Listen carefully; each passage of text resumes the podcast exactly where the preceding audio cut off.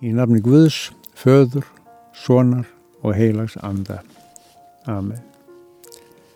Verðund á umhyggja drottins er bóðskapur biblíunar.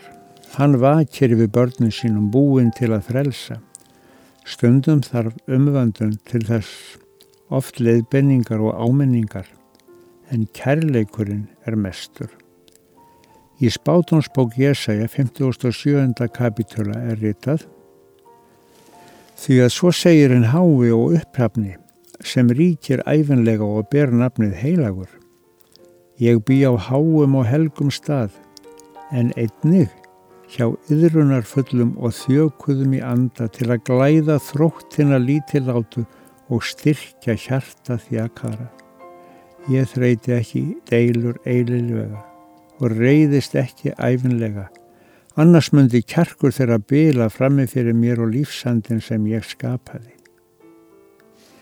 Í tólta kapitra Lúkasar Guðspjörn segir Jésús Vert ekki hrætt lita hjörð því að föðuriðar hefur þóknast að gefa yður ríkið.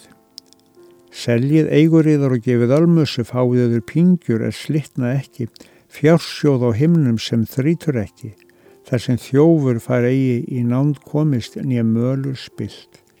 Því hvað sem fjársjóður yðar þar mun og hjarta yðar vera. Byggjum því með orðum Ólínu Andresdóttur. Skín Guðundóm sól á hugar himni mínum sem hjúpar allt í kærleiks geyslum þínum. Þú drottin Jésús, lífsins ljósið bjarta og lýs nú mínu trúarveika hjarta. Þú varst mér það sem vatnir þyrstum manni, þú varst mitt frels í dimmum fangaranni og vangja lifting vona barni lágu og vorsól ylrík trúar blómi smáu. Þú ert að lif sem lífsins græðir sárin, svo ljúfa mund sem harma þarrar tárin. Minn högar styrkur, hjartans megin máttur og minnar sálar hreini andar dráttur. Í lífsins hretum fíkur flest í skjólinn og frænd og vina myrkvast kærleik sólin. Þú drottin Jésús, hreldum huga mínum, átt hlýð og skjól í náðar faðmi þínum. Þú vegur eins hins vesala og smáa og virðir jamt þeim auðuga og háa.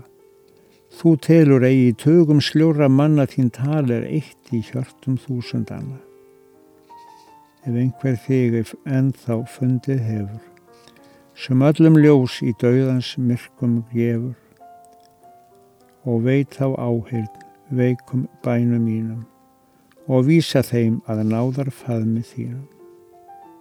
Fadir vor, þú sem ert á himnum, helgist þitt nafn, tilkomið þitt ríki, verði þinn vilji svo gjörðu sem á himni, gef oss í dag vort daglegt brauð og fyrirgef oss vorar skuldir, svo sem við erum fyrirgefum vorum skuldunautum og eigi leið þú oss í freysni, heldur frelsa oss frá ítlu, því að þetta er ríkið, mátturinn og dýrðin að eilífu.